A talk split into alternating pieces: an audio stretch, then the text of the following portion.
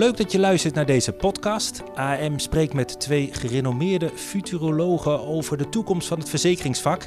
Digitalisering is overal en zeer nodig. Maar wat zijn er nog meer grote bewegingen in maatschappij en economie die ons gaan raken? Wat wil de consument en de zakelijke klant van ons en met welke trends moeten we rekening houden? Vandaag spreken we met Ruud Veltenaar. Hij is futuroloog en toekomstdenker en heeft een wat moeilijke boodschap voor verzekeraars. Nou, allereerst Ruud, hoe gaat het met je? Nou, ik mag zeggen dat het uh, best uh, goed gaat met mij. Uh, ik verkeer nog in goede gezondheid. het pessimisme is ook nog niet toegeslagen. ik moet je ook zeggen dat ik ondanks de pandemie de toekomst toch wel hoopvol tegemoet zie.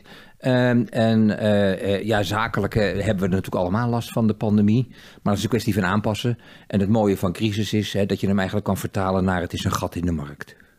Een gat in de markt. Ja, dat is elke crisis eigenlijk. Hè? Want een crisis biedt kansen. Het is natuurlijk bedreigend. Hè? Maar als je, als je weet wat het is om te ondernemen. Eh, en als je weet wat het is om, om te leiden in crisistijden. Ja, dan zie ik doorgaans meer, eh, meer mogelijkheden dan, dan bedreigingen. We gaan het hebben over de verzekeringswereld. Ja. Ruud, wat is er mis met de verzekeringswereld? Uh, ik parkeer hem even, kom er zo meteen graag op terug. Als ik daar überhaupt een antwoord op heb. Maar laten we uh, het woordje verzekering daar even uit. Hè? Uh, en dan plaatsen we het eigenlijk in het kader van wat is er mis met de wereld. En ik zal hem zo wel toespitsen dan naar, naar die verzekeringswereld kan ook zijn dat je tijdens deze podcast een paar keer Jip hoort. Jip is één jaar en een... Nee, Jip is tien weken. Oh, sorry, dus tien. nog lang geen jaar. Dat is een, een jonge Franse Besset die af en toe wat aandacht vraagt. Oké, okay, dus die uh, komt zo nu en dan voor de microfoon of langs de microfoon uh, gewandeld. Ja, uh, dan deelt hij ook zijn mening op de wereld. Ja, ja, was net al een beetje aan het janken. Dat was niet, posit was niet, was niet positief. Um, wat is er volgens jou nu mis met de wereld? Ja, nou, dat, dat lijkt zich heel eenvoudig te beantwoorden door te zeggen: er is nu een pandemie gaande. Uh, met grote impact op onze, op onze welvaart, maar uiteraard natuurlijk op het welzijn van mensen. Over al die continenten verspreid. Hè. Dus je zou kunnen zeggen: dat is een mis met de wereld. Maar ik ben van mening dat die coronapandemie, dat COVID-19, eigenlijk een generale repetitie is. He, uh, uh, en daarmee bedoel ik, het is een generale repetitie, een oefening uh, voor crisis meervoud, he, die aan de horizon al gloren, maar waar we in het hoofd en ook in de praktijk nog niet echt mee bezig zijn. Die moeten we zo meteen ook even oppakken voor die verzekeringswereld. He, want wat schuilt er achter die COVID-19-pandemie? een crisis overigens veroorzaakt door de mensen zelf. Het is niet dat het ons zomaar overkomt. Het heeft te maken met het, het, verlies aan biodiversiteit, het inkrimpen van de leefomgeving van, van dieren. Uh, en uiteraard ook die van mensen. Dus het is een probleem dat we zelf hebben veroorzaakt. Maar, maar achter die COVID-19-pandemie uh, uh, zijn er nog twee veel grotere crises aanstaande. En dat is op zich goed nieuws, want in die crisis zit ook de energie en de noodzaak geboren om uiteindelijk een wereld te creëren waar we allemaal naar verlangen. Dus die crisis is voor, voor de mensheid uiteindelijk een zegen, omdat die ons dwingt de maatschappij en de instituten, waar de verzekeringswereld er één van is, uh, 180 graden te kantelen. Uh, om uiteindelijk veel meer vanuit de bedoeling, waarom bestaan wij, te acteren. dan vanuit het doel, de key performance indicators, de spreadsheets. Uh, en de aandeelhouders als belangrijkste stakeholder. Dus op zich is die crisis een zegen voor de mensheid. De pandemie is maar een heel klein, tussen aanhalingstekens, niemandalletje. Waarbij ik overigens meteen de kanttekening wil maken. En ieder die daar echt in het kader van welzijn en, en familieverdriet dat wil ik zeker niet bagatelliseren. Maar als we kijken naar de economische ontwikkelingen, de depressie die aanstaande is wereldwijd. En de ecologische crisis die daar nog een keer overheen komt, de klimaatverandering. He, uh, ja, die zal pandemie, uh, uh, denk ik. Volgens mij wil Jip op schoot, of wil die iets anders? He, die, ja, die, die zal die pandemie uiteindelijk terugbrengen naar een kort moment van, van hevig verdriet. Uh, wat is er dan mis met, met de wereld? Nou, van alles. Hè? ik ga hier niet een heel doemverhaal afsteken van dingen die we de laatste eeuwen verkeerd hebben gedaan, maar ik wil het terugbrengen naar, naar de kern. En in de kern zou je kunnen zeggen dat er twee ernstige weeffouten in onze maatschappij zitten, wanneer je mondiaal kijkt. De eerste is dat wij op een draconische wijze buiten de grenzen van de, van de planeet leven. en daarmee bedoel ik de mensheid, en dan niet 8 miljard mensen, maar 1,3 miljard rijken, onttrekken meer grondstoffen aan de aarde dan de aarde jaarlijks kan regenereren. Een beroemd fenomeen is de Earth Overshoot Day. Dat is een dag die jaarlijks wordt vastgesteld door een wetenschappelijk instituut. En de Earth Overshoot Day berekent de dag in het jaar waarop wij A. meer grondstoffen onttrekken aan de aarde dan de aarde in datzelfde jaar kan regenereren. Dus het is de dag in het jaar waarop wij de aarde onherstelbaar beschadigen. Dat is het eerste moment die bepalend is voor de Earth Overshoot Day. En de tweede dag, uh, uh, of het tweede punt waarmee we de Earth Overshoot Day berekenen, is de dag in het jaar waarop wij meer emitteren. Wij mensen, 8 miljard, maar in de praktijk zijn het 1,3 miljard rijken. Uh, waarop wij meer emitteren, CO2, methaan, ammoniak, stikstof, dan de oceanen, de continenten en de atmosfeer kan absorberen. Dus het is ook de dag in het jaar waarop wij de aarde onherstelbaar vergiftigen. Nou, eh, eh, meer onttrekken, eh, meer uitstoten dan de aarde kan verwerken.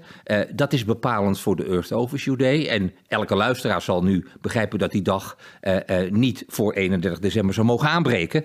want dat betekent dat we in dat jaar de aarde onherstelbaar hebben beschadigd. Nou, het slechte nieuws is dat in 2019 lag deze datum op 29 juli. Dus bijna een half jaar lang, in 2019, waren 1,3 miljard mensen bezig door hun manier van consumeren, door hun manier van produceren, hoe we reizen, hoe we wonen, hoe we energie opwekken en verbruiken. Er zijn 1,3 miljard mensen bezig, bijna een half jaar lang, om onze aarde onherstelbaar te beschadigen. Nou, dan is er behoorlijk wat mis met onze wereld. En we kunnen dit zometeen ook vertalen naar de verzekeringswereld. Want dat blijft natuurlijk niet uh, een rekening uh, die onaangekondigd blijft. De natuur is bezig met haar comeback. Vandaag gaat over klimaatverandering, temperatuur, uitdroging. Hè, waar de verzekeraars allemaal in veel grotere mate mee te maken krijgen dan de afgelopen decennia. Hè, uh, de natuur is in haar ongenadigheid ons een lesje aan het leren dat zij groter is dan de mensheid. Eh, terug naar je vraag, wat is er mis met de wereld? Nou, dit zijn kleine uitstapjes hè, die dat redelijk duidelijk maken. Het is onze manier van denken, doen en laten waar een hoop mis is. Twee, we hebben ook de mensheid dienstbaar gemaakt aan de economie. Dus niet de economie dient de mens, 8 miljard. Nee, de mens uh, is dienstbaar gemaakt als een human resource. Hè. We zijn geen human beings meer, maar we zijn human resources geworden. Hè. We mogen ons ontwikkelen bij een bedrijf, binnen de muren van dat bedrijf en binnen de doelstellingen van dat bedrijf. Ze zijn niet op zoek naar ons potentieel om onze eigen middelmaat te ontstijgen. Nee, we worden gestimuleerd elke dag om te voldoen aan het functieprofiel en aan de korte termijn doelstellingen die door uh, de Raad van Bestuur uh, zijn bedacht. En is het ook zo doorgedrongen in de verzekeringswereld? Dat denk ik wel, want dat is de, toch de wereld een beetje van financiële en professionele dienstverlening. Uh, uh, daar is de druk toch behoorlijk groot. Hè, uh, gemiddeld goed opgeleid, HBO, WO denkniveau. en het is een wereld, een beetje anglo-saxisch gevormd, niet allemaal, hè, maar de grote jongens zeker. anglo-saxische culturen. ja, dat is een wereld hè, die past bij het neoliberalisme en bij de meritocratie. Als je heel hard werkt en je goed presteert en je voldoet aan de norm, dan gaat het je goed welvaarttechnisch gaat het je goed. We hebben het niet over het welzijn, daar zijn we niet zo op gefocust. Hè, maar als je hard werkt en presteert, dan maak je carrière. Hè, eh, eh, ja, en, dan, en dan word je op je, op je 54ste bedankt. Eh, helemaal uitgezogen, niet voor iedereen. Hè, en terzijde geschoven voor een jongere, voor een jongere god. Dus, dus het geldt zeker voor een hoop banken, zeker zakenbanken. Zeker de anglo-saxische banken. Maar het geldt ook voor veel beursgenoteerde bedrijven. Waar de aandeelhouders vaak dominant zijn. En waar de commissarissen, die er eigenlijk zijn in het belang van het bedrijf bedrijf en om de belangen van het bedrijf te behartigen, vaak toch veel meer op de stoel zitten van de aandeelhouders. Uh, en zo CEO's en besturen van bedrijven onder druk zetten om de prestaties die verlangd worden van de aandeelhouders te realiseren. En dat komt omdat er geacteerd wordt, zeker ook bij verzekeringsmaatschappijen, maar ook bij banken, maar ook bij Unilever en ook bij Heineken, bij heel veel bedrijven met een anglo-saxische cultuur. Eh, eh, daarin is eigenlijk het budget, de afspraken die veel opgelegd worden vanuit de aandeelhouders via de commissarissen. Vindt er een handeltje plaats in, de, in het laatste kwartaal van het jaar, eh, handjeklap, zodat er nog een budget uitkomt waar iedereen een beetje mee kan leven. En dan gaan we met z'n allen heel hard rennen, waarbij één ding het allerbelangrijkste is, niet het maximale doen voor de klanten binnen de grenzen, het potentieel van mensen en binnen de grenzen van de planeet. Nee, het allerbelangrijkste uh, is het budget realiseren.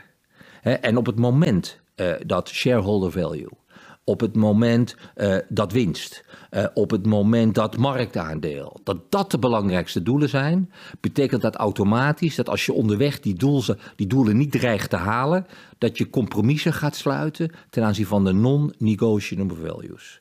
En de non-negotiable values zijn eigenlijk waardes die gekoppeld zijn aan de waarom van een bedrijf. En ze heten niet voor niks non-negotiable. Dit zijn dingen die wij nooit doen, ook als we niet verlies maken, om ervoor te zorgen dat de focus altijd blijft liggen op het creëren van financiële, sociale en of ecologische waarden voor zo'n groot mogelijke groep mensen. Maar op het moment dat je financieel korte termijn gedreven wordt, zie je, en zeker ook in de verzekeringswereld, eh, dat om toch de financiële doelstellingen te halen, je producten gaat bedenken die eigenlijk nooit bedacht hadden moeten worden. Ik wil niet de woekerpolis meteen naar voren halen, maar het is een prachtig voorbeeld van een cultuur die gestuurd wordt, die aangestuurd wordt vanuit key performance indicators en winstgedreven is. En dan bedenk je producten en diensten en hele kleine lettertjes in voorwaarden om ervoor te zorgen, op een oneerbare manier, op een onethische manier zelfs, om je financiële doelstellingen te halen. Ik zeg niet dat dat nog steeds orde van de dag is bij de verzekeraars. hier en daar eh, zijn er best wel wat vraagtekens te zetten, ook in afwikkeling van dat soort zaken. Eh, maar het wordt niet zozeer ingegeven door slecht functionerende managers op een afdeling, maar het wordt eigenlijk ingegeven vanuit de top door financiële doelen belangrijker te maken dan alle andere doelen. En dat is weer een voorbeeld van, we gaan terug naar je vraag, wat is er mis met de wereld? We hebben de mensheid dienstbaar gemaakt aan de economie. De economie is het allerbelangrijkste en daarmee overschrijden we de grenzen van de planeet. Dat heeft in de toekomst echt draconische gevolgen voor ons als soort. Nou, dat is er mis met de wereld. Eh, en de luisteraars kunnen voor zichzelf wel vertalen of ze hun organisatie daarin herkennen of niet.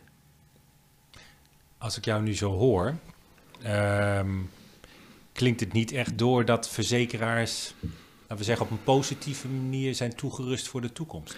Nou, dat, ik, ik, wil daar niet generaliseren. Want ik ken corporaties, kleine verzekeraars, ook wel grote verzekeraars in ons land, maar ook daarbuiten, die, die echt vanuit de why acteren.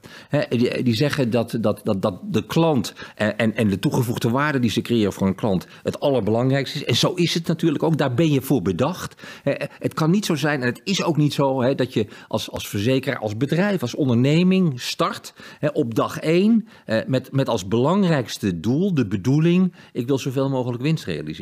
Eh, winst is een resultante. Uh, winst is een resultante van goed leiderschap. En goed leiderschap betekent in de goede richting waarde creërend voor zoveel mogelijk mensen. financieel, ecologisch en of sociaal. en als je in de goede richting, we zijn hier om waarde te creëren, leiderschap toont. Je doet het op een, op een sociale manier tegen een redelijke prijs binnen de grenzen van de planeet. Dan resulteert dat in winst. wat zouden de verzekeraars volgens jou moeten doen? Nou, wat, wat, wat ik belangrijk vind voor elk bedrijf, maar zeker ook voor de verzekeraars en zeker ook voor banken, en ik zal daar zo nog een voorbeeld van geven, hè, is dat ze teruggaan naar de bron. Hè, en, en teruggaan naar de bron is eigenlijk het, de, moeilijkste route. Want, want als je teruggaat naar de bron, is dat stroomopwaarts. en we gaan veel liever, we kabbelen veel liever met de stroom mee om uit te komen bij dat florissante stroom met die palmboompjes. En het is lekker makkelijk meekabbelen. dit jaar iets beter dan vorig jaar en volgend jaar weer iets beter dan dit jaar. We zijn het allemaal gewend, we zetten de mensen een beetje onder druk, we scherpen de doelstelling een beetje aan en we hopen dat het goed gaat. Eh, dus met de, met, met de stroom meekabbelen, dat is wat de meesten natuurlijk doen, ook in hun leven. Maar, maar wat nodig is voor de mensheid, voor de planeet, eh, voor alle bedrijven en dus ook voor de verzekeraars, is we moeten terug naar de bron.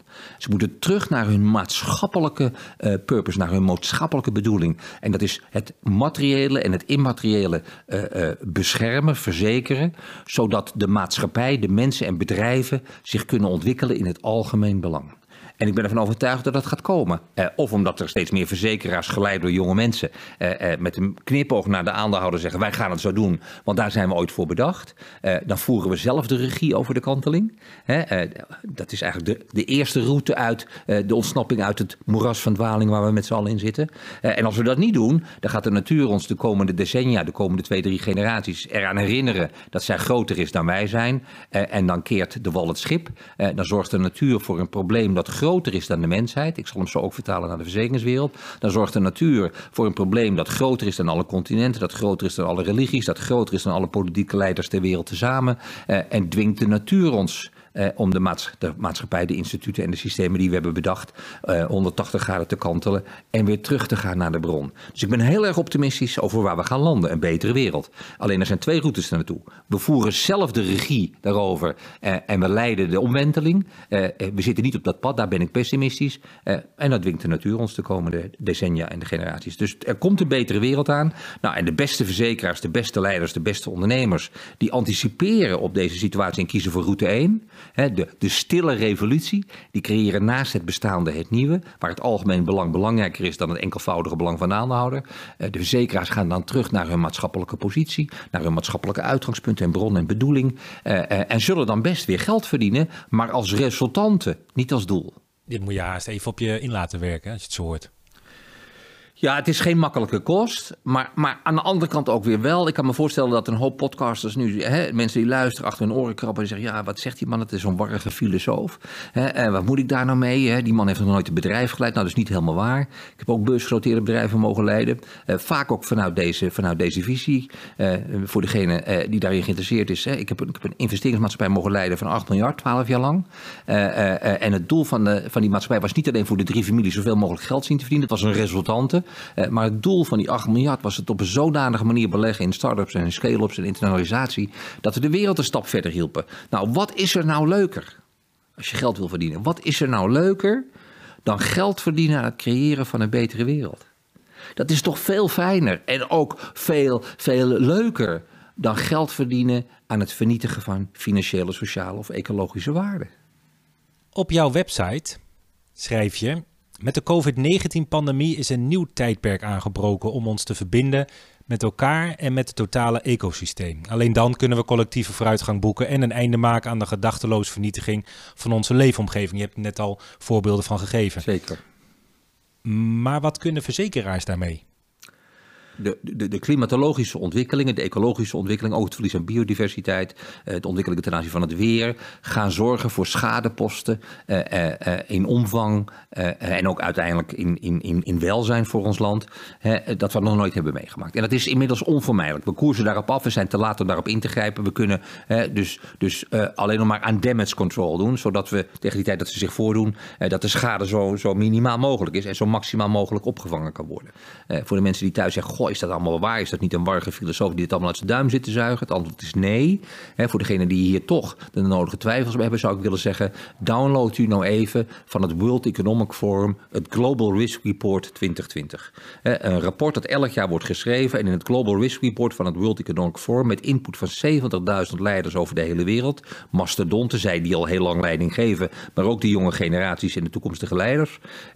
input van 70.000 mensen over de hele wereld, wordt er jaarlijks tien risico's, de top 10, uh, geïdentificeerd, uh, uh, die het meest waarschijnlijk zijn en die de meeste impact hebben op onze welvaart en op ons welzijn.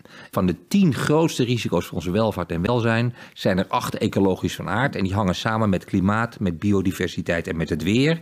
En het grootste risico dat geïdentificeerd is door het World Economic Forum is het onvermogen van de wereld, van de mensen, om iets aan deze problemen te doen. En dat is niet hun onvermogen. Uiteindelijk kunnen we het natuurlijk wel, hè, maar we zijn er gewoon niet op gefocust. We zijn er niet mee bezig. Ja, een heel klein beetje symptoombestrijding. Dus het onvermogen van de mensheid om een crisis te bestrijden is de grootste crisis. Maar dat is aardig, want uh, op jouw website schrijf je ook: hè, onze wereld verkeert in een transformatie naar een volgende fase in onze beschaving. Zeker. De focus verschuift van welvaart naar welzijn en van ego naar eco. Ja. Heb je net al dingen over gezegd. Zeker. Um, wat, zijn, wat zijn de gevolgen daarvan? Nou, ik ben ervan overtuigd dat het solidariteitsbeginsel in de toekomst, eh, hoe mooi dat ook is en hoe ethisch daar ook van alles over valt te zeggen, dat het economisch onhoudbaar wordt. Eh, en dat gaat natuurlijk ook impact krijgen op hoe een polis zo meteen is ingekleurd eh, eh, eh, en wat een polis zo meteen wel en niet dekt. Dus, dus we zullen in de wereld van zorgverzekeringen zien dat de kosten omhoog gaan omdat we ongezond leven en omdat de ecologische ontwikkelingen eh, voor meer problemen gaan veroorzaken. Corona is echt een ecologisch probleem. Of ieder geval ecologisch veroorzaakt. Uh, dat wordt onverzekerbaar. Uh, dus de eigen bijdragers gaan omhoog, eigen risico gaat omhoog, tot het op een niveau komt dat de mensen die onvoldoende verdienen dat niet meer kunnen financieren. Dan hoop ik dat we het bij de mensen die heel veel verdienen gaan weghalen, zodat we ook de mensen aan de onderkant van de samenleving goed kunnen blijven verzekeren. En als dat uiteindelijk onvermijdelijk is, zal een sterke overheid ten opzichte van een dominante markt uiteindelijk gaan reguleren. Dat is onvermijdelijk. En wanneer gaan we dat zien? laten we zeggen, zie je al grote veranderingen de komende vijf jaar? Nou, ik zie ze eigenlijk gisteren al. Hè? Uh, een aantal van de dingen die ik beschrijf gebeuren natuurlijk al. Kijk, de grootste beweging die wij gaan maken als mensheid verschuift de focus van welvaart naar welzijn. Dat is het het grootste. Nou ja, dat is, dat is nogal wat. Hè? Want als ik, als ik uh, tegen mijn zaal of tegen mijn studenten zeg. Hè, de komende 10, 20 jaar moeten wij ons voorbereiden op het inleveren van 30% welvaart. Dan kijkt iedereen je aan en, en, en verklaar je voor, voor me shocken. Hè? Uh, maar, maar je kan heel makkelijk 30% welvaart inleveren. En ik kan dat misschien iets makkelijker uh, dan een bijstandsgezin. dat mede afhankelijk is van de voedselbank. Die kunnen geen 30%, die kunnen zelfs geen 3% inleveren. Die zouden er eigenlijk zelfs 30% bij moeten hebben. Hè? Maar laat ik zeggen, modaal en twee keer modaal en alles wat erboven zit kan echt heel eenvoudig 30%, 40% welvaart inleveren. En hoe dan? Eh, nou ja, door geen dingen meer te kopen die je niet nodig hebt. En dan kan je afvragen, ja, wat heb ik nou eigenlijk echt nodig? Nou ja, ik denk dat als je tien overhemden hebt, is genoeg. En als je, als je zegt, nou ja, maar ik heb tien, we hebben wassen maar één keer in de week, nou, dan heb je er twintig. Maar ik heb mensen die hebben er gewoon honderd. En wat betekent dat inleveren van welvaart bijvoorbeeld voor adviseurs, voor verzekeringsadviseurs? Eh, ik zou op zoek gaan naar verzekeringen, eh, eh, naar verzekeringsmaatschappijen en ook naar polissen, waarvan ik zeker weet dat die er zijn in het belang van mijn klanten.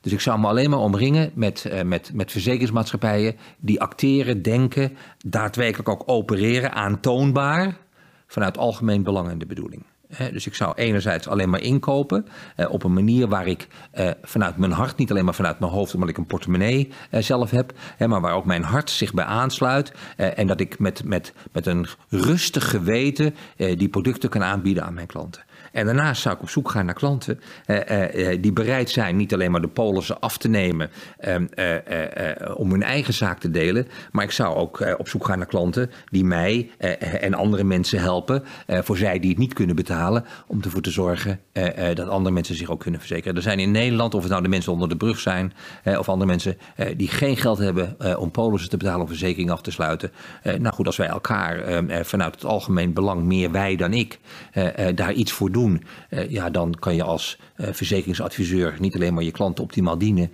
maar help je ook de wereld nog een stapje verder. En ik weet zeker dat dat leidt, als je dat doet, je krijgt een reputatie, niet een imago, maar een reputatie dat je dat doet, omdat anderen erover beginnen te praten, dat het uiteindelijk meer klanten oplevert. Je bent gewoon een beter mens.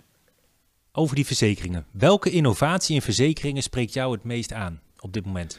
Nou ja, wat natuurlijk uh, uh, uh, met kop en schouders boven alles uitsteekt, maar ook wel met een kanttekening en ook wel met ethische issues. maar artificiële intelligentie zal de wereld van verzekeraars, als je het over technologie hebt, het meest op zijn kop zetten. niet alleen ten aanzien van. Positief. Uh, ja, dat zal uh, zeker als het gaat om een voorspellend vermogen, zal artificiële intelligentie helpen om te voorkomen dat er inbraken gepleegd worden. Het zal helpen om mensen te, te, te, ondersteunen om gezonder te gaan leven. Dus artificiële intelligentie, het gebruik maken van data en steeds slimmer wordende computers, zullen zowel voorspellend als ook heilzaam voordelen bieden. Maar artificiële intelligentie heeft natuurlijk ook een schaduwzijde. zodra artificiële intelligentie ook ingezet wordt om de belangen van de aandeelhouders nog belangrijker te maken dan ze al zijn, eh, kunnen artificiële intelligentie ook dingen aansturen die niet in het algemeen belang zijn, maar alleen maar in het belang zijn van eh, zij die uit zijn op winst. En dat gebeurt natuurlijk nu al. en de kunst voor de wereld en ook voor verzekeraars is, is dat we technologie inzetten eh, die, die een groot maatschappelijk nut heeft. Hè, en die onze bedoeling dient, in plaats van dat het een instrument wordt eh, als onderdeel van het doel om zoveel mogelijk geld uit die samenleving te harken. We gaan naar de laatste vraag, want er is echt genoeg om over na te denken. Maar je hebt het deels ook al wel omschreven. Maar kun je nog kort en krachtig samenvatten wat de verzekeraar moet doen om goed toegerust te zijn op de toekomst? Een verzekeraar, maar het geldt eigenlijk voor elk bedrijf. Maar we moeten terug naar de bron, we moeten terug naar de bedoeling. Waarom besta je als verzekering? Juist. En het antwoord is niet om geld te verdienen. Het antwoord is om het algemeen belang, om bedrijven en mensen, materieel en immaterieel te verzekeren binnen een redelijkheid van grenzen, ondersteund door een overheid als zometeen die grenzen door tsunamis letterlijk en figuurlijk worden overspoeld. Leiden vanuit de bedoeling eh, eh, betekent dat een verzekeraar teruggaat naar zijn roots en zich beseft waarom die bestaat. Uh, en, en, als hij dat doet en zich zo inricht, uh, qua key performance indicators, kijk naar een gemiddelde cockpit van een verzekeraar. Ik durf je te weten dat uh, voor 80% geldt dat nou driekwart, misschien wel meer, van hun key performance indicators allemaal economisch en financieel van aard zijn. Waarom zitten daar geen sociale indicatoren bij? En niet alleen maar ten aanzien van hoeveel mensen hebben promotie gemaakt en hoeveel mensen hebben we moeten ontslaan, maar ook wat hebben wij sociaal verder gepresteerd, buiten de grenzen van ons bedrijf. hoe houden wij ons ten aanzien van ons leasepark? Uh, hoe houden we ons ten aanzien van het energieverbruik binnen onze panden? aan de ecologische normen? Waar zijn de ecologische parameters in de management cockpit? Nou, op het moment dat jou je cockpit zodanig is ingericht, je key performance indicators bij een verzekeraar, dat een derde gekoppeld is aan economische doelstellingen, een derde gekoppeld aan sociale en een derde aan ecologische, ja, dan ben je als verzekeraar, als bedrijf eigenlijk langzaam maar zeker aan het inrichten op de toekomst. En eindigen we toch nog positief. Er komt een betere wereld, linksom of rechtsom. Dankjewel, Ruud Veltenaar. Met plezier. Hij was de tweede in de serie Futurologen en Toekomstdenkers over de verzekeringswereld. Nou, vond je deze podcast interessant? Laat het dan vooral weten. De podcast is terug te luisteren op AM Web. En deel hem ook met iedereen waarvan je denkt dat hij hiernaar moet luisteren. Er zullen vast een hoop mensen zijn. Tot de volgende keer.